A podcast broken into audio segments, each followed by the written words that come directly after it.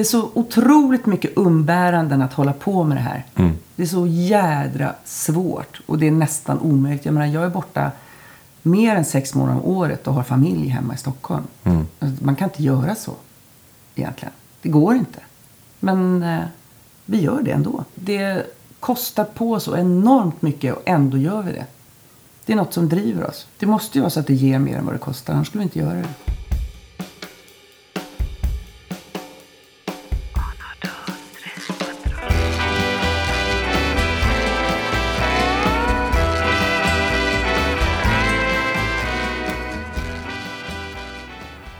Välkommen hit, Anna Larsson. Tack. Det här är podcasten heter Jag spelar för livet.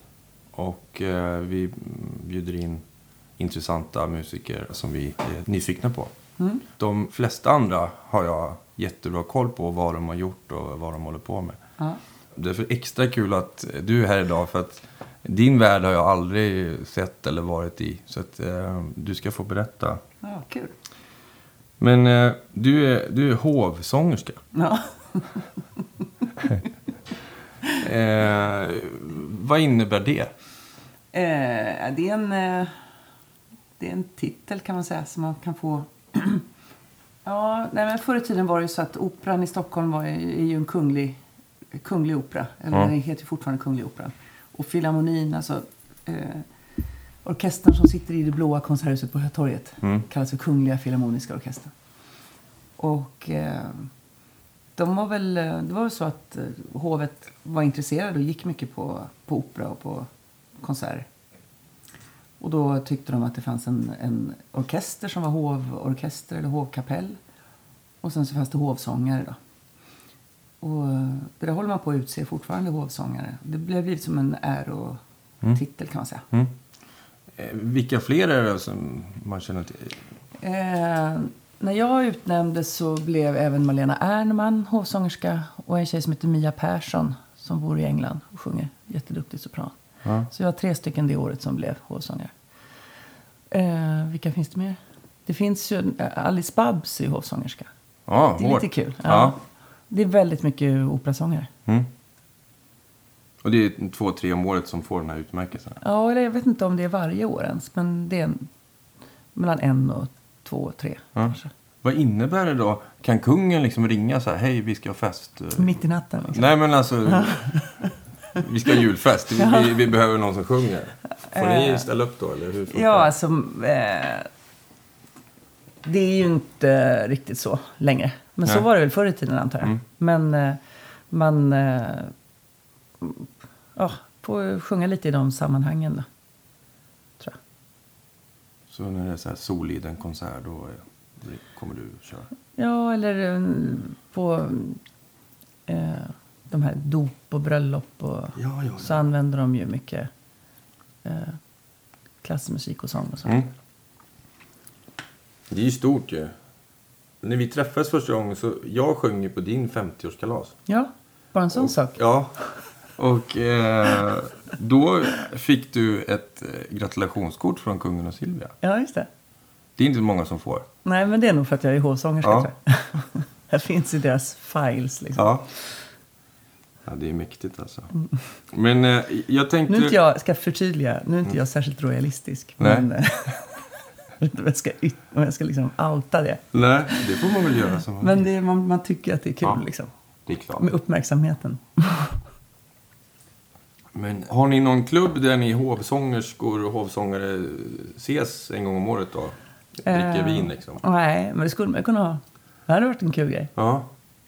Göra ett gig tillsammans. Ja, Bra line-up. sjunga lite julsånger. Eller lite julsång, snapsvisor. Ja.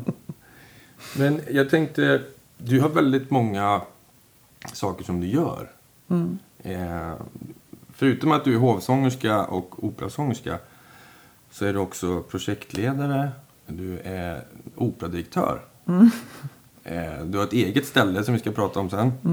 Eh, gör du lite andra saker kring... Eh, du gjorde en stödkonsert för flyktingar till Mm. exempel. Sen så lär du ut att sjunga. Du har elever har jag förstått. Mm. Hur hinner du med alla de här Ja, grejerna? det är det. Det är det att man, man hinner inte liksom. Nej. Det är så mycket man kan göra. Mm. Nej, men jag får väldigt mycket energi av att vara ute och sjunga och känna att det går bra och att, att man får uppskattning. Så vill jag, tror att jag vill liksom dela med mig eller få med mig fler. Så Mm. Jag tycker det är jättekul. Vi har ju byggt ett eget konserthus uppe i, utanför Mora i Vattnes, min pappas hemby. Eh, där vi gör lite grejer.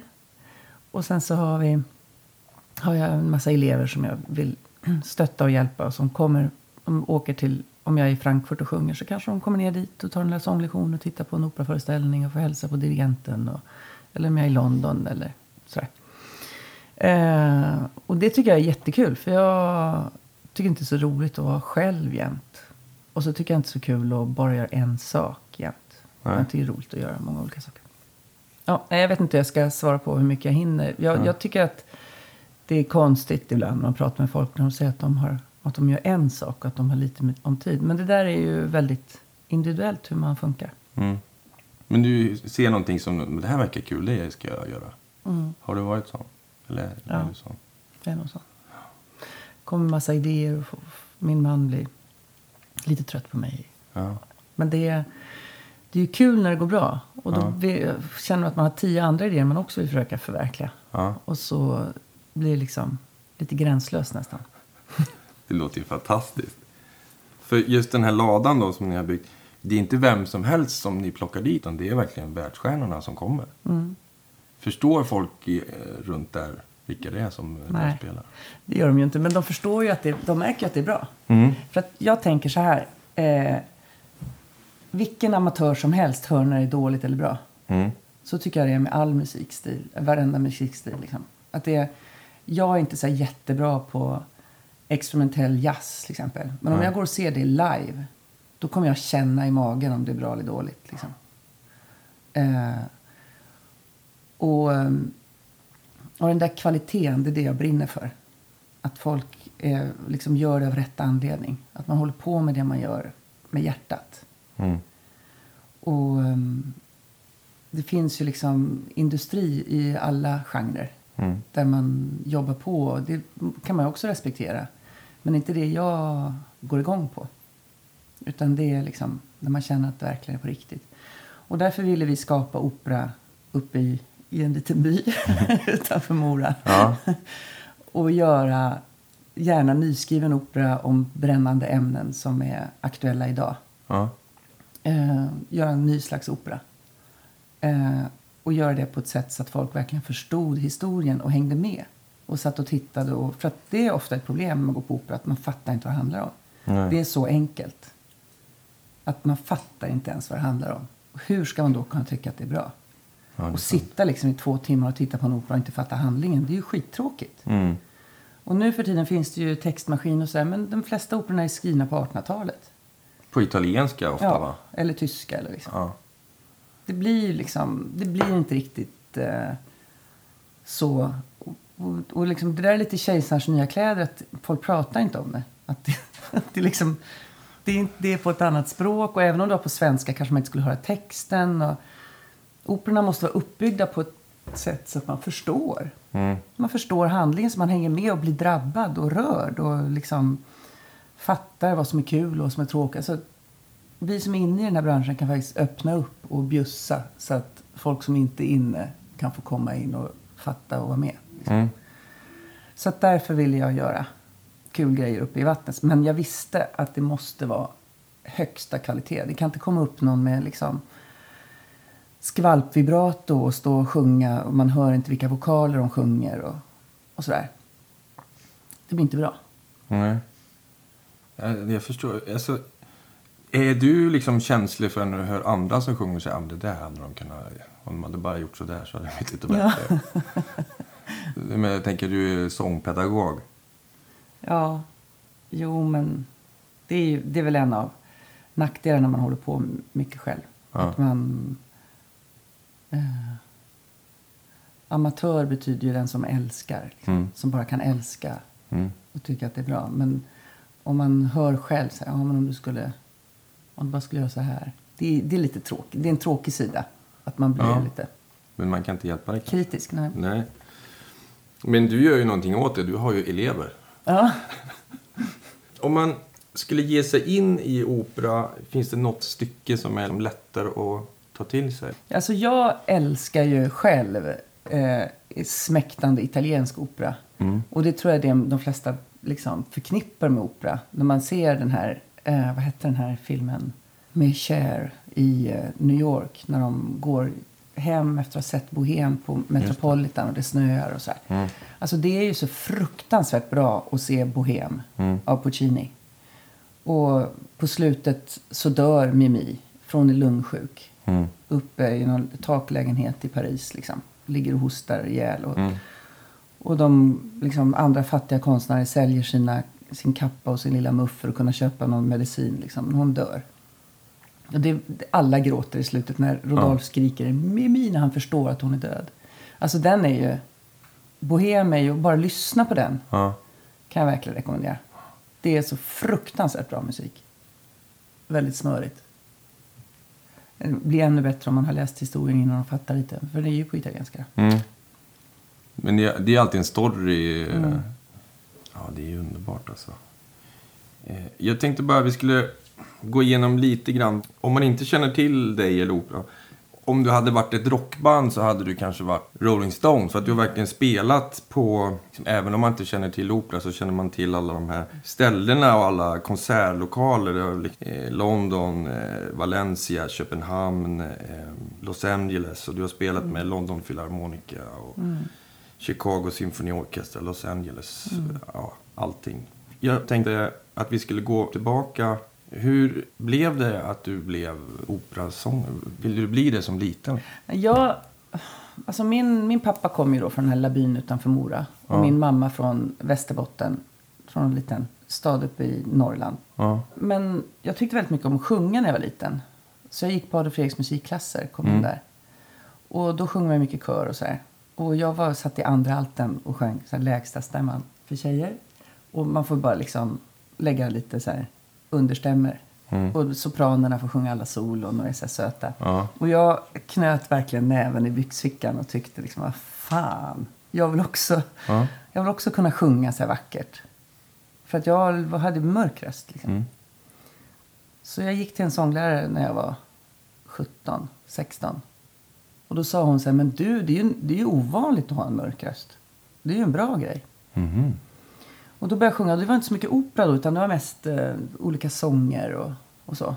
Men sen blev jag mer och mer intresserad av, av opera och av klassisk musik. Eh, ju mer jag hörde. Och det är en värld som är väldigt, väldigt stor och man märker att många har otroligt kunskapskomplex när det kommer. För att det är ju så fin kultur. Och... Men jag kommer ju inte från den världen överhuvudtaget. Så att jag har ju har liksom... Jag har nog från början upplevt att det är lite synd att inte fler fattar Mm. hur otroligt... Liksom, det tar aldrig slut. Man kan bara fortsätta, fortsätta, fortsätta gå in i... Och gå bara på en, på en vanlig orkesterkonsert en vanlig torsdag på Konserthuset och, och bara sitta och omvärdera hela sitt liv och översköljas av, av känslor. För de kompositörerna som har skrivit musiken har ju gjort det helt osjälviskt.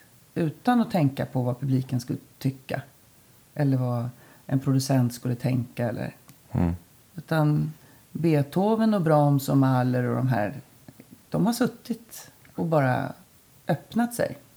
Och det är ju samma sanningar 1920 eller 1850 eller 1730 som vi boxas med idag. Mm. Det är exakt samma problem. De, de tänker ju på livet och döden och, och revolutionen och familjen och vad som är viktigast. Och, alltså, Så man lyssnar på en Mahler-symfoni då går man igenom en hel jävla kosmisk förvandling. och det kan vara tungt i början för det är ju långt. Så då kan man börja och lyssna på en sats på Spotify liksom. Mm. Och bara höra. Det kan vara tio minuter. Och bara känna hur det känns. Och om man känner till en symfoni lite så ser man att den ska gå på Berwaldhallen eller radion eller på Filharmonin. Så går man dit och så Mm. kommer man att få ett... Det är så, då, då, det är ett gift. Det blir ett gift.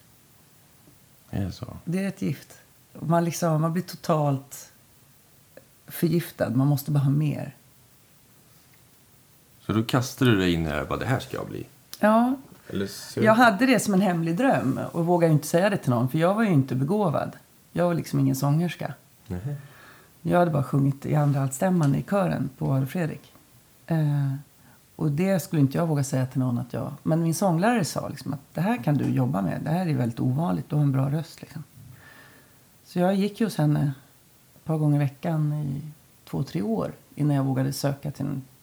Finns på Operastudion finns det en sån här operautbildning. Så kom jag in där. Så fick jag säga det till mina föräldrar och till allihopa runt omkring att jag vill bli operasångerska. det kom ju som en, för, som en chock. Fortfarande säger ju alla mina gamla klasskompisar att du skulle syssla med det här är jättekonstigt. Säger jag. Ja. Så du kom ut som operasångerska där? Mm, jag kom ut ur garderoben. Ja. nu är jag det här. Kändes det bra när du kom in då att du träffade folk som ville samma sak? Ja, alltså jag kunde väl tycka att många var väldigt inskränkta och att det fanns väldigt lite egna initiativ i branschen. Och väldigt mycket att man skulle jobba på stora institutioner och det är mycket offentligt eh, finansierat och man, man går och, och gnäller och får sin lön. Usch, nu är jag dum. Men det, det är lite så. Är det så? Ja. Ja, men jag tycker det är roligt att driva själv och hitta på och göra saker och tänka vad, vad är det som anses omöjligt och vad är det som inte går att göra och så, där. och så tycker jag det är kul att liksom försöka knyta ihop kontakter och det som jag har gjort förut och försöka som den här Playing for Life som vi gjorde, den här välgörenhetskonserten som vi gjorde på med radions orkester. Eh, där eh, fick jag ju med mig tv också live. Det var ju fantastiskt. Och alla ställde upp gratis? Ja. Så vi fick både radio och tv live. Och, och de trodde att vi skulle samla in 800 000. Och vi samlade in liksom... Ja, det var uppåt... eh, Jag kommer inte ihåg hur mycket det var. Det var flera miljoner. Och det var ju så att jag sa det att om vi bara sätter en liten rubrik på varenda musikstycke vi, vi väljer för den här konserten så kan det bli som en hook för Okej. publik. Och om man sitter hemma i tv-soffan och ser och så, så får man höra så här att, att när, när det här stycket spelas så, så kan man tänka på de som går igenom, som nu försöker att vandra genom Ungern och försöker komma på ett tåg liksom, och komma därifrån. Mm. Och så kan det vara en ungersk dans som är skriven slutet på 1800-talet som spelas av Martin Fröst på klarinett som är en av världens största klarinettister. Det, det blir ju som, så otroligt mycket roligare för publiken än om det bara är det här är ungersk dans av... Alltså en liten, liten bara. Mm. Det behövs inte så mycket för att folk ska få en öppning in i musiken. Och bara känna att det här kan jag lyssna efter, det här kan jag lyssna på. Jag tror sådana små saker tror jag kan öppna för folk och förstå att det finns en hel värld av musik som är skriven från medeltiden och framåt som vi inte har tillgång till. Som kan ge oss otroligt mycket.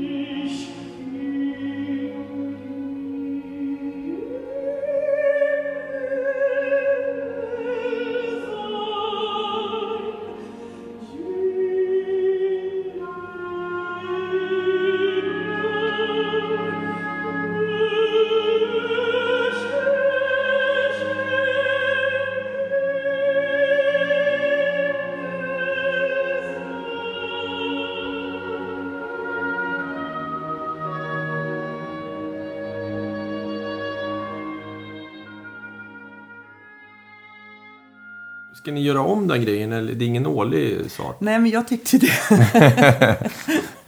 eh, ja, nej, men det kanske hade varit kul. Det kanske hade varit kul om någon orkester i Sverige gör en årlig gala som är bara för klassisk musik. Mm. Som in, för att vi blir väldigt, alltså vi, det är väldigt, väldigt svårt att blanda kommersiell, det som jag kallar för kommersiell musik och klassisk musik. Därför att vi har inte en chans. Vi är inte coola någonstans. Nej. Vi har inte en chans att stå liksom och sjunga på Grammisgalan. Vi, det, det blir bara töntigt. Man vill inte ha det där. Och jag vet när eh, kompositör som heter Renqvist, Karin Renqvist fick eh, en Grammis för en skiva. Jag menar, man säljer ju inga, inte mycket av sån musik. Den är skriven, hon är professor på Musikhögskolan nu. Hon- Man säljer inte mycket liksom.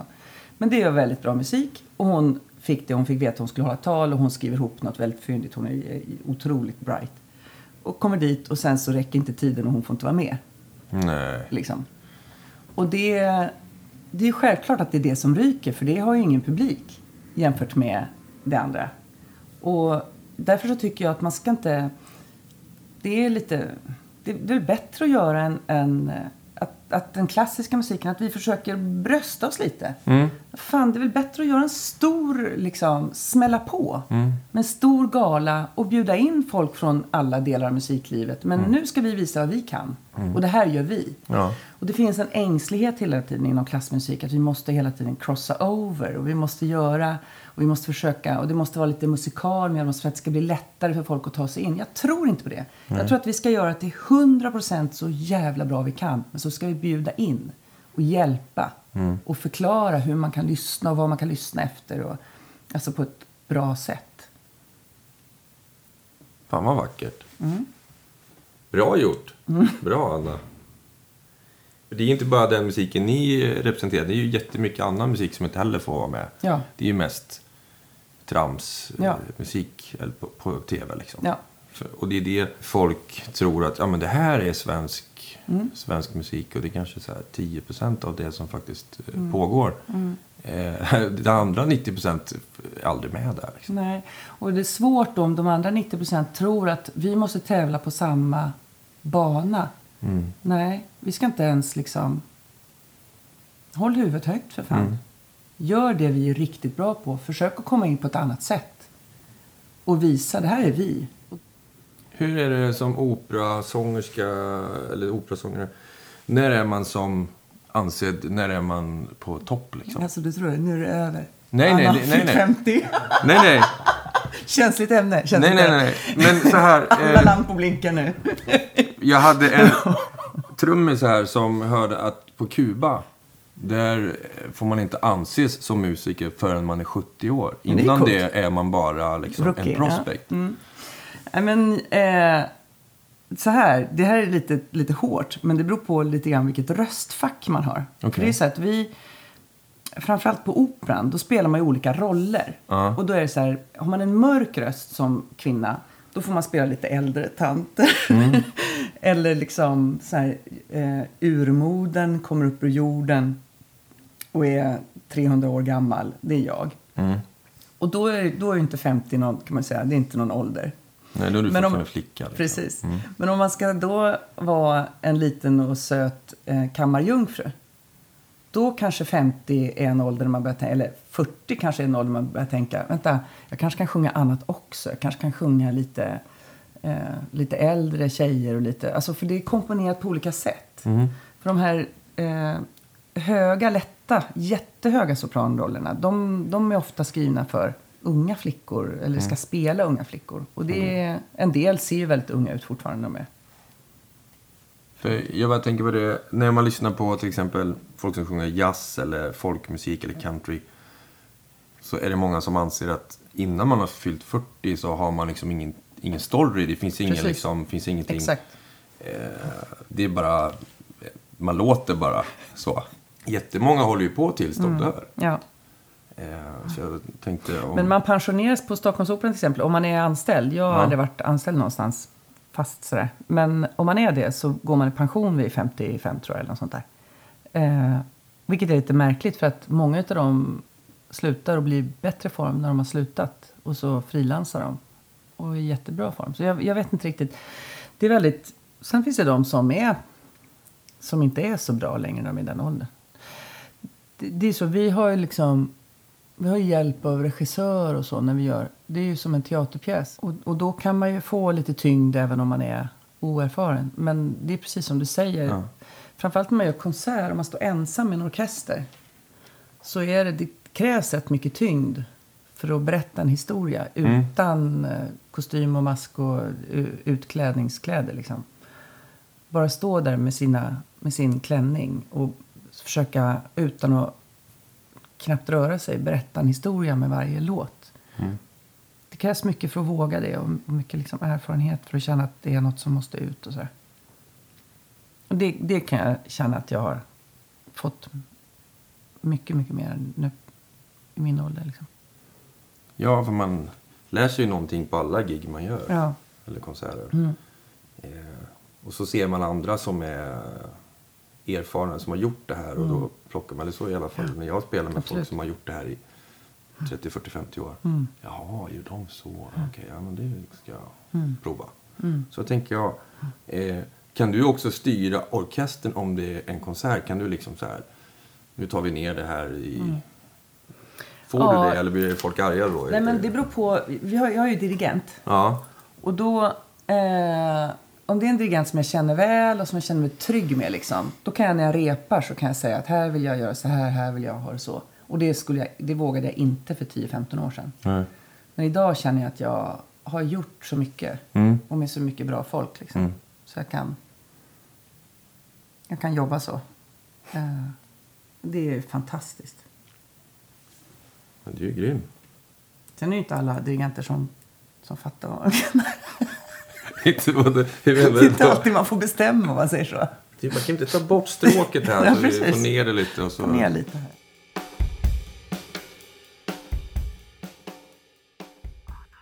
När man lär sig att bli operamänniska, är det hälften skådespel som, och hälften sång som man får eh, lära sig? Jo, det finns ju, den högsta utbildningen är Operahögskolan. Mm. Eh, finns i Stockholm och Göteborg.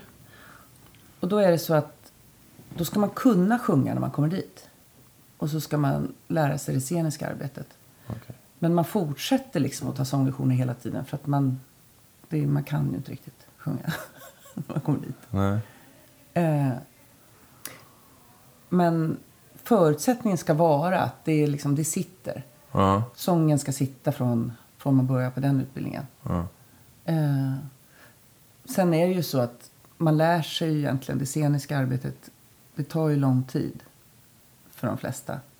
Och man får, vi har ju en sån förmån att få träffa så mycket regissörer och jobba med olika. Får man jobba med spännande och intressanta människor så, och är öppen hela tiden för att lära nytt, då är det ju ett fantastiskt yrke. För man kan suga åt sig så mycket nya, liksom lära sig så mycket. För du turnerar ju jättemycket. Hur funkar det? Du gör ett eh, konsert i Sverige och sen så ska du åka runt liksom. Eh, när du kommer dit, hur mycket repar ni liksom? För det är ganska stor ensemble. Mm. Det är skådespelare och sångare och det är massa statister och det är orkester alltid. Eller? Ja, när man gör opera så är det ofta sex veckors reptid. Oj, Ja. Och då ska man kunna rollen när man kommer. okej. Och sen ska man liksom tugga igenom hela operan. Scen för scen. Och, det, och då kan det vara så vissa dagar som man inte repar. Och det får man veta varje dag. Hur man ska repa imorgon. Så kan, har man otur så sitter man i Frankfurt i fyra dagar och inte gör någonting. okej. Det kan bli lite trist när man inte får repa. Men, eh, men det är ju väldigt, väldigt kul att repa och jobba. Liksom. Mm. Och lära känna folk från hela världen. Och, Mm. och sådär. Och sen när de här sex veckorna har gått, då är man ju helt trygg. Då kan man ju allting. Och då eh, spelar ni? Och då är det sista veckan brukar vara orkester med. Då är, man repar med piano. Ja. Och då när orkestern kommer, då lyfter ju allting. Mm. Då blir det liksom nedförsbacke. Mm. Och så... um, Och de har repat i ett reprum som är lika stort som scenen ungefär. Och sista veckan är man på scen. Med kostym och allting och smink och så. Så då, då vet man om det är bra eller dåligt sista veckan. Kan man göra snabbjusteringar då om det inte... Ja, kan man göra. Vad är det som brukar fela mest liksom, oftast? Ja, rent musikaliskt så är balansen mellan orkestern och sångarna svår. För vi har ju inte mikrofon. Nej. Utan vi sjunger ju. Liksom. Och orkestern det kan vara allt mellan 80 och 100 pers som sitter och spelar.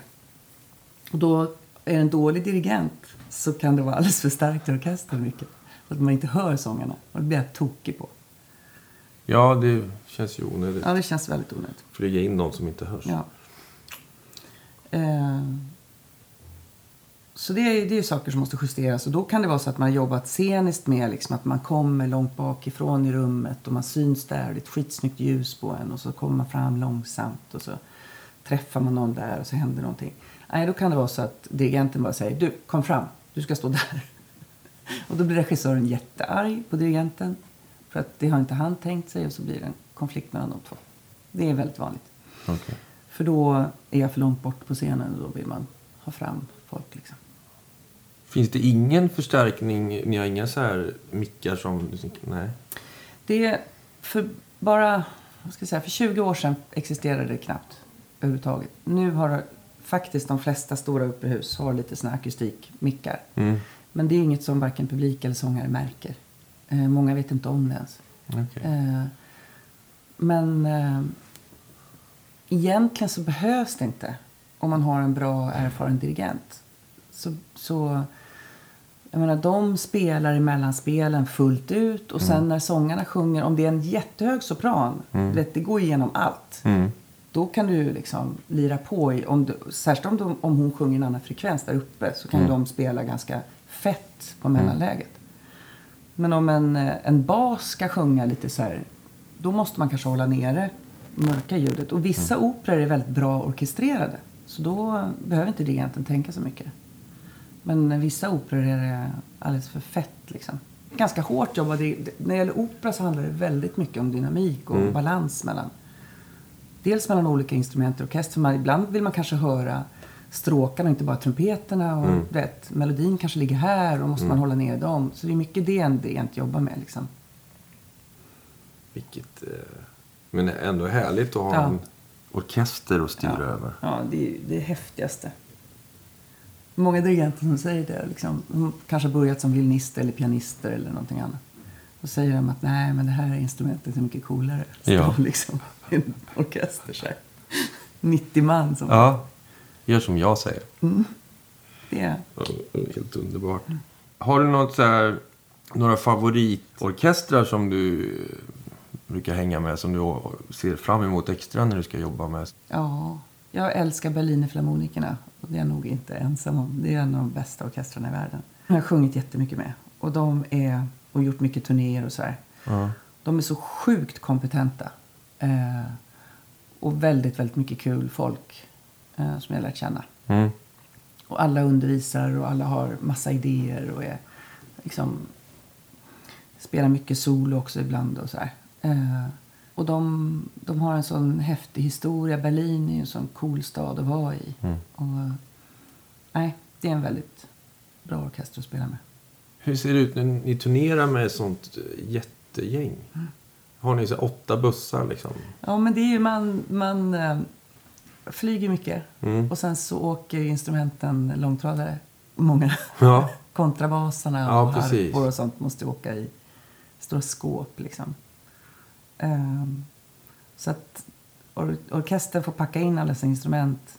Och de, en sån som Berlinerfilharmonikerna som har riktigt bra sponsring och stora banker och Mm. de, de åker på mycket turnéer. Mm. Och då är det liksom, de där skåpen står öppna, de ställer in alla sina instrument och hänger in sina frackar och så här. Och så körs instrumenten iväg två dagar före de flyger. Och så åker de iväg och så packas allting upp och så finns allting där. Ja, men det är Ja, sjuk logistik. För det är svårt att flyga med kontrabas. Ja, det är det. Det blir bara svårare och svårare. eh, ja, men vad skönt. Men eh, när ni åker över till USA och sådär. Ja. Hur åker, är det fraktbåt på? Nej, men då får, de, då får de flyga i container, de här Mm. last... De största instrumenten. Och är det så här att de har med sig sitt eget, sin egen flygel också? För den här är min flygel. Nej, det tror jag inte. Det är väldigt få som gör. Ja. Det finns en pianist och dirigent som heter Daniel Barenboim Ja. i Berlin som är fantastisk, som jag känner. Han har hittat... Han har, eh, du vet, inuti en flygel, om du lyfter på locket, du ser att vissa strängar går ju på snedden. Mm. Han tyckte så här, nej men alla ska gå rakt. Så han har byggt en flygel som har en speciell form. Mm. Där, alla, där alla strängar är åt samma håll. Mm. Och den, du vet, det står så här Bechstein eller Steinway. På den står det så här Barenboim. Han har inga problem med sitt ego överhuvudtaget. Han har custom made... eh, Ja. ja. Den är, den är cool den flygeln. Eh, den har han åkt runt lite med. Specialbyggd. Vilken rockstar. Pour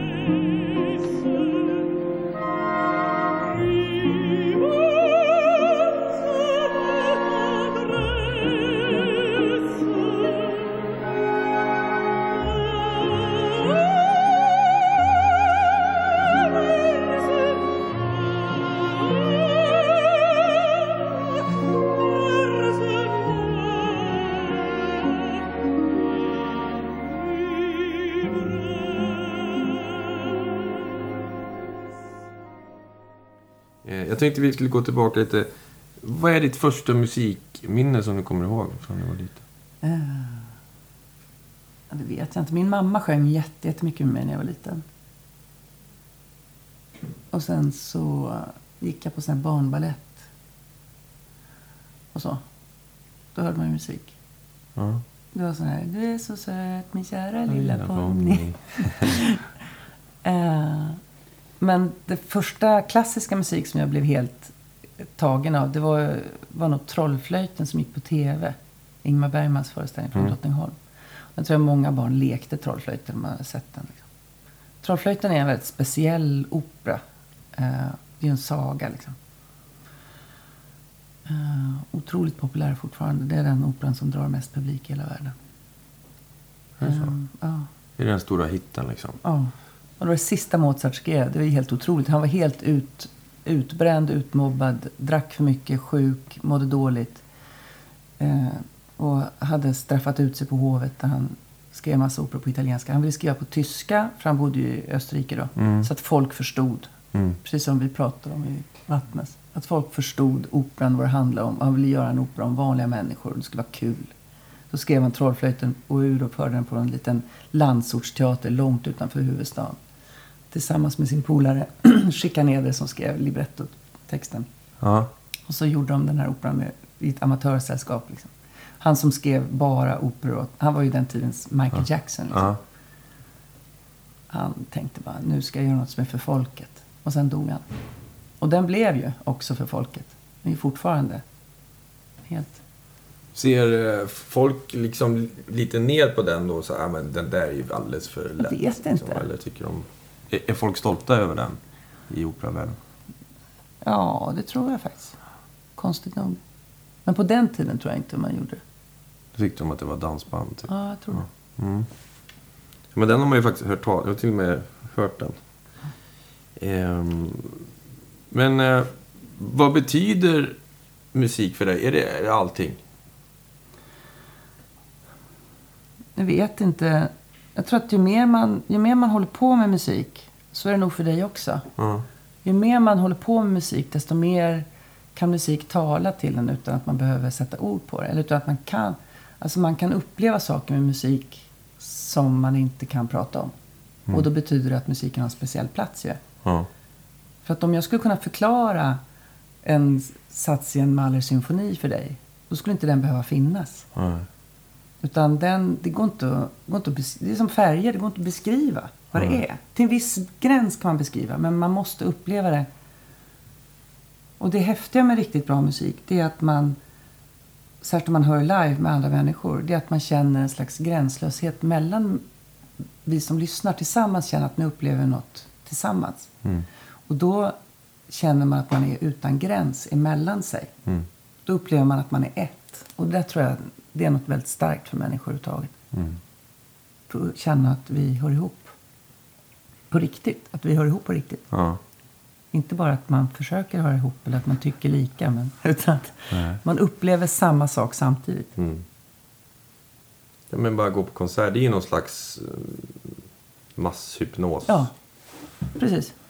Och du kan inte förklara varför du känner dig så annorlunda efteråt. Nej. Du kan inte förklara vad det är. Du vet bara att det är musiken. Mm. Så att det är klart att det betyder något speciellt. Lyssnar du på musik hemma också? och Sätter på... det- Jättelite. Det är superkonstigt när man kommer hem till folk och det är så här, någon låt som går hela Ja. tiden. Man blir, för jag lyssnar hela tiden Ja. och bara fastnar. Ja. Liksom. Jag tycker det, är, jag tycker det kan vara lite jobbigt med musik på hela tiden. Men det kanske är för man jobbar med det hela dagarna. Ja, vi brukar spela kort ett gäng och när det går för bra för mig då brukar de sätta på lite låtar. För då, Då försvinner då, du. då, då är inte Ja. jag med längre. Nej. Då, då förlorar jag. Ja. Eh, Så det, man är någon slags musik. Det är ingen bakgrund för mig. Det blir Nej. svårt att få det till en Ja. bakgrund. Ja, man går in och bara, ah, bra basgång. Så här. Mm. Precis. Ja, bra takt. Också. Eh, Vad är det som brukar inspirera dig? Eh, Är det speciella musiker, artister eller platser eller länder som du Mm. återkommer till? Jag blir väldigt inspirerad av film. Eller Mm. av bra bok. Eller av liksom en bra låt. I liksom en helt annan genre. Det, det är ju det är otroligt fruktbart att ta till sig vad duktiga människor har släppt ifrån sig. Det är ju... Alltså att lyssna på Dylan eller på Donald Fagen eller på någon som är som man känner liksom den här människan är helt inne på, den, på det den gör. Liksom. Mm. Eller att se riktigt bra konst eller att, att gå runt i en stad och liksom äta något gott. Alltså det är otroligt inspirerande. Mm. Och det är sånt som jag kan använda mig av. Sen tror jag också det, det är en lyx för mig. För jag har ju familj och massa kompisar och folk hemma och sådär. Så jag blir fullständigt liksom störd. Och det bara surrar när man är hemma i Stockholm. Och så åker jag ut och kan vara borta några veckor. Och det kan bli långtråkigt och sådär. Men det kan också vara otroligt lyxigt. Att gå runt i tystnad i en lägenhet som jag hyr. Och sen gå ner på gatan, sätta mig på ett fik och bara titta på folk. Och, och liksom läsa och lyssna på musik. Och det är ju det är sådana stunder tror jag som gör att jag blir kreativ. Det är då du kommer på så här, jag ska öppna en operalada hemma. Vi bygger ett hus. Vi bygger, en, bygger ett hus. Vi bygger ett hus på en äng Ja. utanför Mora. Mm. De behöver lite opera. Ja. Och gör nyskriven svensk opera. Ja. Ja! Ja, men det, jag måste ha varit i någon psykos när jag hittade på det. Underbart. Ja. Underbart. Hur ofta spelar ni på det här stället, på den, i den här ladan? Vi gör, varje sommar så gör vi en festival där som vi kallar för Sångfest. Och då gör vi någonting unikt. Då gör vi något väldigt konstigt. Liksom. En eh, nyskriven opera eller en... Eh, ja. Och det är ofta med... Det är alltid med orkester och med... Ehm, I år gjorde vi en föreställning om Coco Chanel. Där vi satte ihop musik. Ungefär som Mamma Mia-filmen. Okej. Vi tog låtar som vi kunde, fransk musik som vi kände till. Mycket fransk musik men också tysk musik. Och så. Som var skriven lite under den tiden hon levde. Och så satte vi ihop med, med texter och repliker emellan med en tjej som skrev. Martina Kaiser skrev ett jättebra manus. Och så gjorde vi det som en pjäs och så sjöng vi musiken. vi hade bara en idé om att det här skulle funka men vi var rätt skraja fram tills vi märkte att det funkade. Det blev jättebra. Vad tyckte publiken då? De, det här, de har ju fått se väldigt mycket nyskrivet och konstigt. Så de tyckte att det var så vacker musik. Ja. Plötsligt blev det lätt liksom. Vad är, är det folk från bygden, grannar som ni kom? Nu, Ja. nu kör vi här. Ja. Det är mycket folk från bygden. Det är ungefär hälften bor där. Mm. Eh, och hälften åker dit. Kommer det dit så här operarecensenter och... Ja. Brukar få DN och Svenskan och Expressen och Aftonbladet. Och, och kulturnyheterna på radion. Och så. här. Det är ju... Ja. Så ni har verkligen satt liksom Vattnes på kartan? Ja. Det är så konstigt. En liten by där jag har varit på somrarna och Ja. satt potatis på Ja. våren och tagit upp potatis på hösten och ätit farmors tunnbröd i härbret. Liksom. Mm. Den byn pratar folk i kultursverige om idag. Det är en märklig upplevelse. Det är lite som Änglagård-filmen. så här, ni kommer det- dit. Jag kan säga att vi hade först, innan vi byggde det här konserthuset, Mm. så hade vi, vi drev någonting som vi kallar för Future Stars. Som var ett gäng unga sångare som vi undervisade. Så vi tänkte nu ska vi liksom driva på de här. De ska få åka ut till de ställen där jag jobbar och de fick komma till La Scala och de fick komma till liksom Zürich och Berlin och London och så här. Och träffa coacher och träffa folk och lyssna på repetitioner och så här. Och så um, sa vi så här, nu gör vi en konsert i Vattnes med dem. Så gjorde vi det på, bara på våran, utomhus på våran gård där. Och liksom fick dit lite tidningar och fick eh, massa publik och så här. Och då var det lite Änglagård-känsla när våra liksom Stockholms, alltså de här konstiga operasångare går runt i flipflops och eh, bar överkropp och blått hår och så här. Ja. Och går runt och liksom ja, tittar på den här byn och tycker att det är pittoreskt. Det ser ut som Skansen ungefär. det, det, det är lite surrealistiskt när de träffar mina gamla barndomskompisar från byn. Som, De bara, Ja. hej på dig du. Hej på dig! Ska du till dansbanan eller? Ja, precis. Ja, vad underbart. Ja. Ha- Har ni annat än opera där? Ni bjuder inte in de här spelmansgillena? Mm, men vi har, vi har lite samarbete med kommunen så att de har Kulturskolan är där och gör, gör uppspel liksom. Mhm. Och sen så har vi haft eh, Alexander Rybak, om du vet vem det var. Den här norrmannen. Mm, som Eh, spelar. Ja, han körde med ett helt fiolgäng med något, jag fattade aldrig vad det var riktigt. Men det var en massa unga violinister där spelade. Eh, och sen har vi haft hela tiden, jag har hela tiden haft en dröm om att ha någon slags jazzmaraton. Eh, maraton, eh, ett dygn. Och bara köra liksom hur mycket som helst.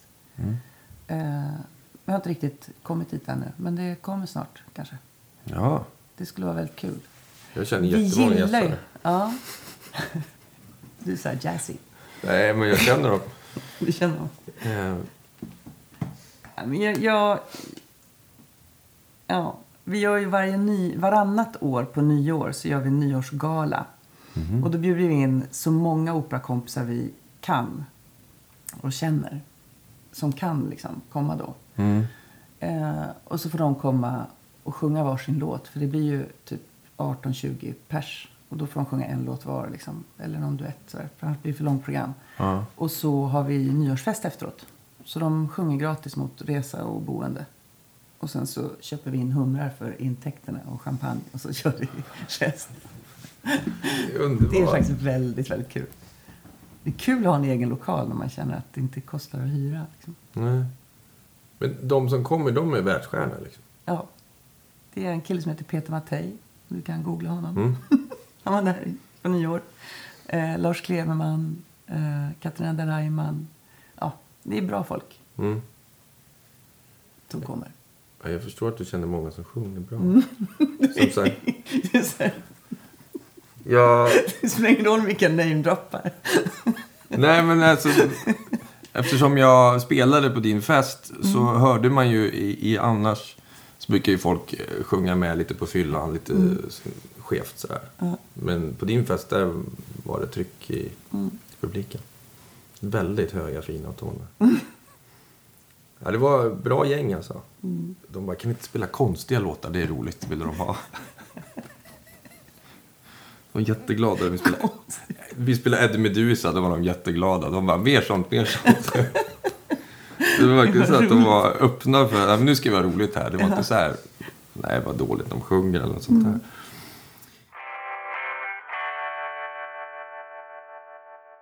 Vad är det värsta spelningen du har gjort liksom? När allt gick åt skogen? Eller händer inte det längre?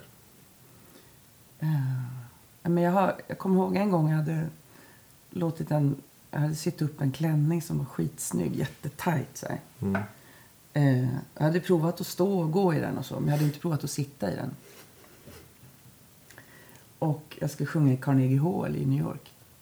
Kommer in och det är en lång symfoni och så ställer jag mig upp och sjunger ett solo och sätter jag mig ner igen. Kommer in och tackar för applåderna, sätter mig och hör så här rich bak. Liksom.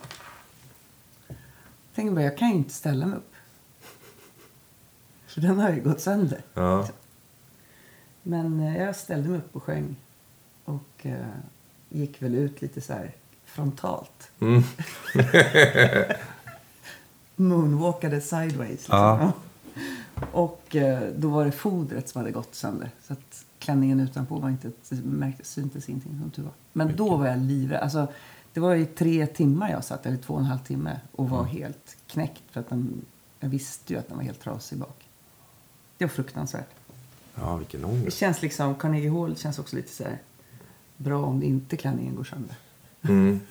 Men jag tänker med förkylningar och sånt där. Ja, det är jobbigt. Och en gång i Amsterdam så var jag magsjuk och kräktes eh, innan konserten då. Och sen så drack jag Coca-Cola och sådär. Alltså, du vet hur man mår när man är magsjuk. Ja, ja, ja. Jag hade ju dagisbarn som var tre år hemma liksom. Så det var ju därifrån det kom. Mm. Men då satt jag på scenen. Det är ju konstigt det här med adrenalin, hur det funkar och hur man kan mycket, mycket mer än vad man tror. När man får det påslaget liksom. Eh, men då satt jag och tittade så här på var blomkrukorna var och var jag skulle det, och då var det också te, det var så tv, filmning, dvd. Det finns på dvd. den. Jag är jätteblek, men jag sjunger okej. Men det är, det är konstigt eh, med sjukdomar och sånt. För att jag vill alltid, jag vill alltid gå på och sjunga. Mm. Jag tycker det är så jäkla kul. Så jag vill inte ställa in. Nej, det finns ju en, ar- alltså en arbetsmoral inom Mm. underhållningsbranschen som, är, som inte finns i någon annan bransch. Nej. Alltså, jag vet ingen annan bransch som skulle gå till jobbet magsjuk. Nej. Och bara, jag måste Mm. jobba på banken idag. de kommer ju inte på två veckor om de är magsjuka. Mm. Men det är ju det är så här, om vi ska vara ärliga, Mm. det är inget jobb. Det är inte det. Vi försöker att hävda det för vi vill ha bra villkor och sådär.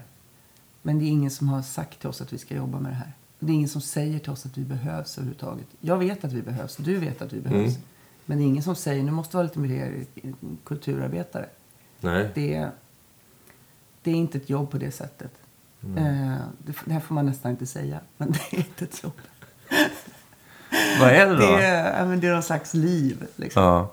En existens som är... Det, det, det, det, är så otroligt mycket umbäranden att hålla på med det här.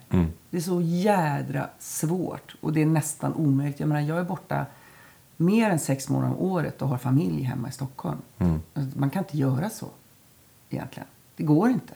Men eh, vi gör det ändå. Mm. Eh, det, det kostar på så enormt mycket och ändå gör vi det. Det är något som driver oss. Mm. Det måste ju vara så att det ger mer än vad det kostar, annars skulle vi inte göra det. Nej. Nej, för det, det är svårt för folk som inte är inne i det här. Min fru till exempel. Ja, men, måste du repa igen? Kan vi inte låtarna? Ja, men, det är så här, ja, men vi måste repa hela tiden. Det försöker säga, ja, men det är som folk som springer. De måste också träna. De kan inte, Bara för att du var bra för tre år sedan att springa maraton så är du inte det. Men Och sen är det också det där att man hela tiden vill vidare. Man vill liksom gå vidare, man vill inte vara kvar. Så fort man gör ungefär samma sak som förra gången, då är man död. Man vill hela tiden liksom... Annars kan man, kan man göra något annat. ja, vad är det? Är det en sjukdom eller är det en blessing? en Det är det- diagnos. en diagnos. Och så ofta är det också att, att vi har eh, tio andra uppdrag vid sidan om som har med det här att göra. Man kanske bokar, man jobbar med, man har en egen lada, man gör saker liksom. Bara för att det är så kul. Och man kan inte hålla sig ifrån det. Vi skulle kunna lära många andra branscher Ja. ett och annat. Ja. Tänk om SL var så här påstridiga. eller SJ eller vad som helst. Bankerna. Vi måste ge bättre villkor till dem som... Mer pengar. Jag tror att det finns i många branscher, så finns de här som är lite mera konstnärer än andra. Och det är de som blir en Steve Jobs eller en... Så jag tror att det finns de som förstår. För vad är det, vad är det man gör? Man, egentligen är det så att man investerar med sig själv. Man, man, in- man liksom inte, nöjer sig inte bara med att vara professionell och göra sitt jobb. Utan man gör någonting, man ger något, man öppnar någonting och ger någonting så här. Och det, det ger resultat. Det blir ju liksom... Och det tror jag det finns i alla branscher. finns det någon som gör det. Men det krävs väldigt mycket för att man ska orka vara sån. För att man ska orka liksom hela tiden göra lite mer än vad som krävs. Så om någon ber mig göra någonting, alltså rent konstnärligt, då gör jag det och lite till. Alltså jag lägger till någonting som Exakt. är jag, som ingen annan kan göra. För att det är bara jag som kan vara Anna Larsson. Liksom. Det, det tror jag är det här med att vara konstnär eller artist. Eller. Annars är man kören eller orkestern eller liksom komp Någon som människa. hänger på. Ja. Ja. Ja, för entreprenörer har ju också det här. Det här är omöjligt, då gör vi det. ja. Precis. Så, men du är entreprenör eh, också. Har vi förstått här på alla dina projekt.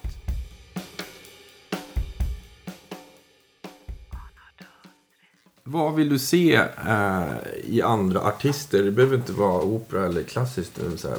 Vad är det du fastnar för om, om du ser någon uppträda?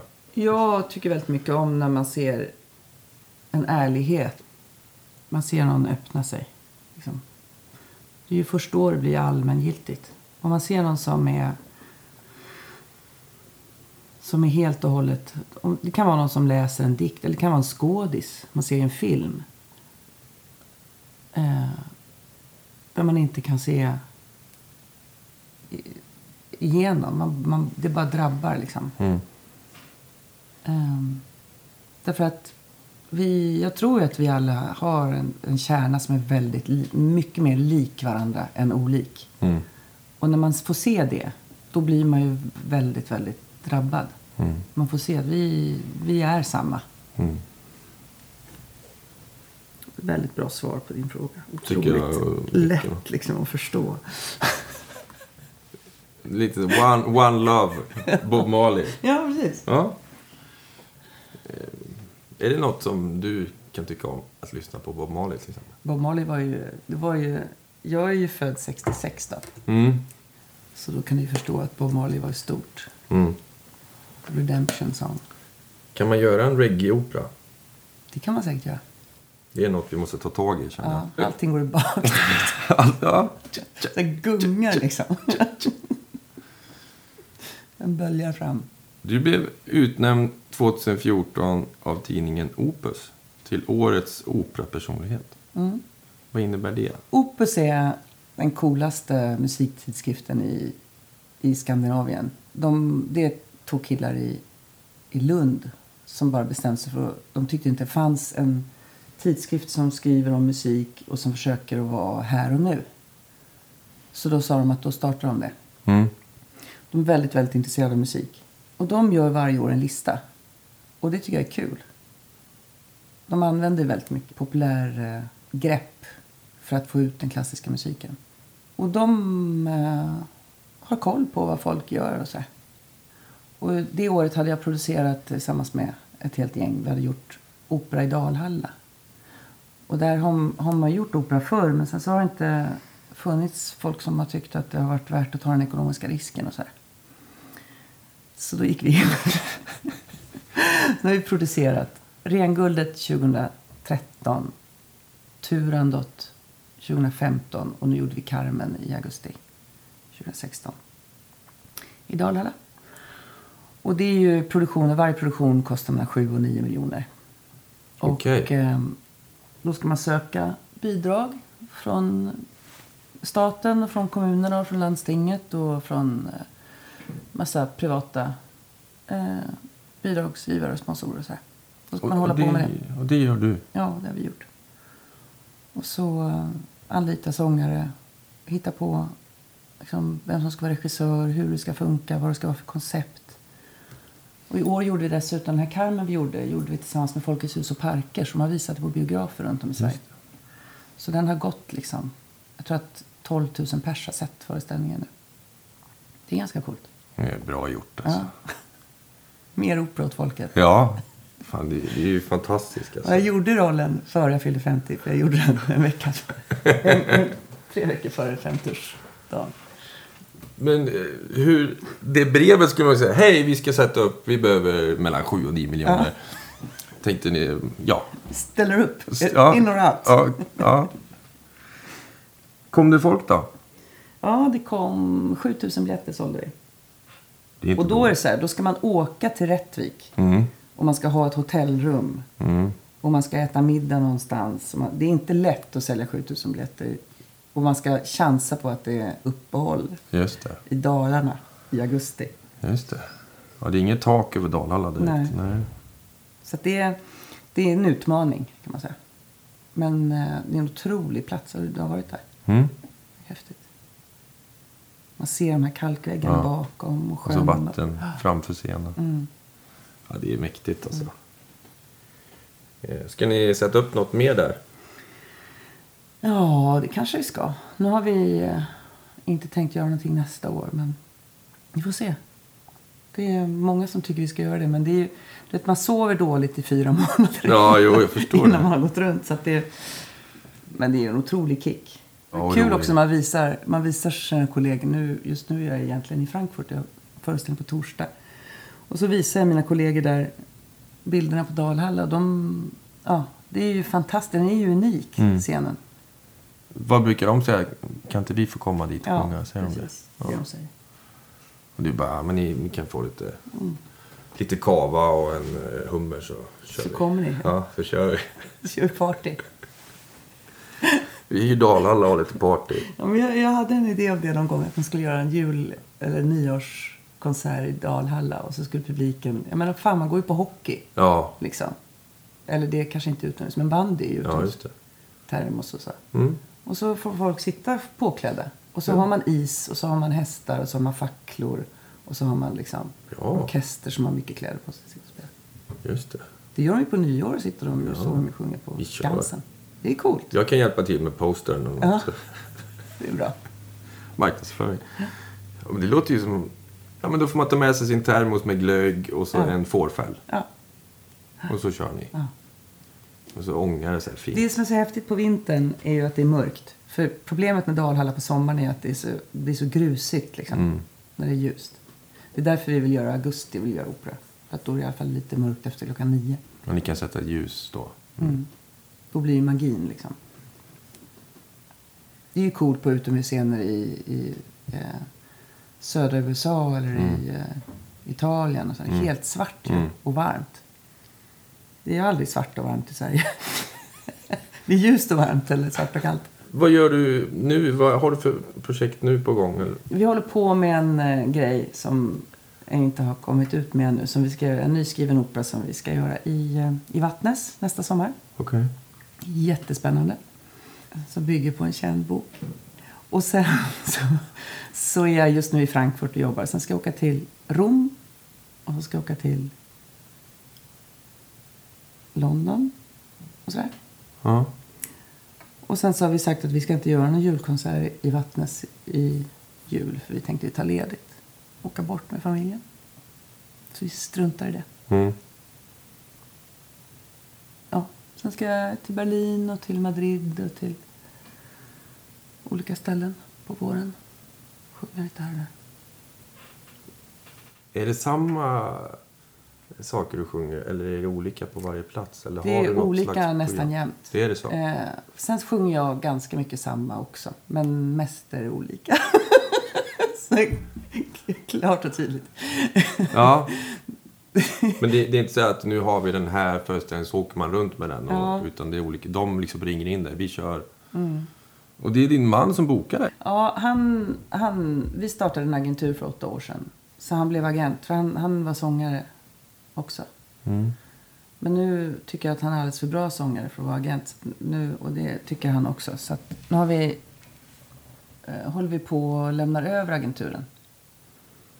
Till några andra som ska driva den. Mm. Och så eh, kan, vi, eh, kan han få sjunga lite mer. Gör ni grejer ihop? är, ja, vi har gjort lite grejer ihop. Men ehm, det är lite svårt att få till det. Ja. Det är väldigt kul att gå och lyssna på den andra också. Och inte göra grejer ihop. Vi gör ju alltid grejer ihop i Vattnes och i Ja, det är och klart. Men han är, han, det är en grym sångare. Fantastisk. Han gjorde ju något på festen med... Mm, han sjöng AC/DC med oss. I, I och för sig, det var ju, vi tvingade han ju, men eh, han gjorde det väldigt bra. Och ett jävla tryck i pipan. Alltså. När giggar du i Stockholm? Man kan komma och kolla. Nu ska vi göra faktiskt våran... Vi fick just besked idag att vi ska göra våran Coco Chanel-föreställning ute på Artipelag Mm. i januari. Ja, men det låter bra. Jag Ja. bor där ute så jag kan komma. Ja, Ja. trevligt. Jag skulle vilja passa på att tacka dig så hemskt mycket för att du kom hit idag. Ja, tack. Det är Och skitkul. Är det någonting vi har glömt tycker du som är viktigt som vi vill framföra? Nej. Nej. Mer opera till folket. Mer opera till folket och att... eh, bara för att man gör opera för folket så ska man inte tro att folk är dumma i huvudet. Tvärtom.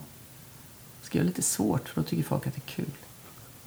Jag tycker det är kul när det är svårt. Fina sista ord. Anna Larsson. Stor applåd. Tack så hemskt mycket. Tack. Fan duktig du är. Du är grym. Så att jag kan snacka.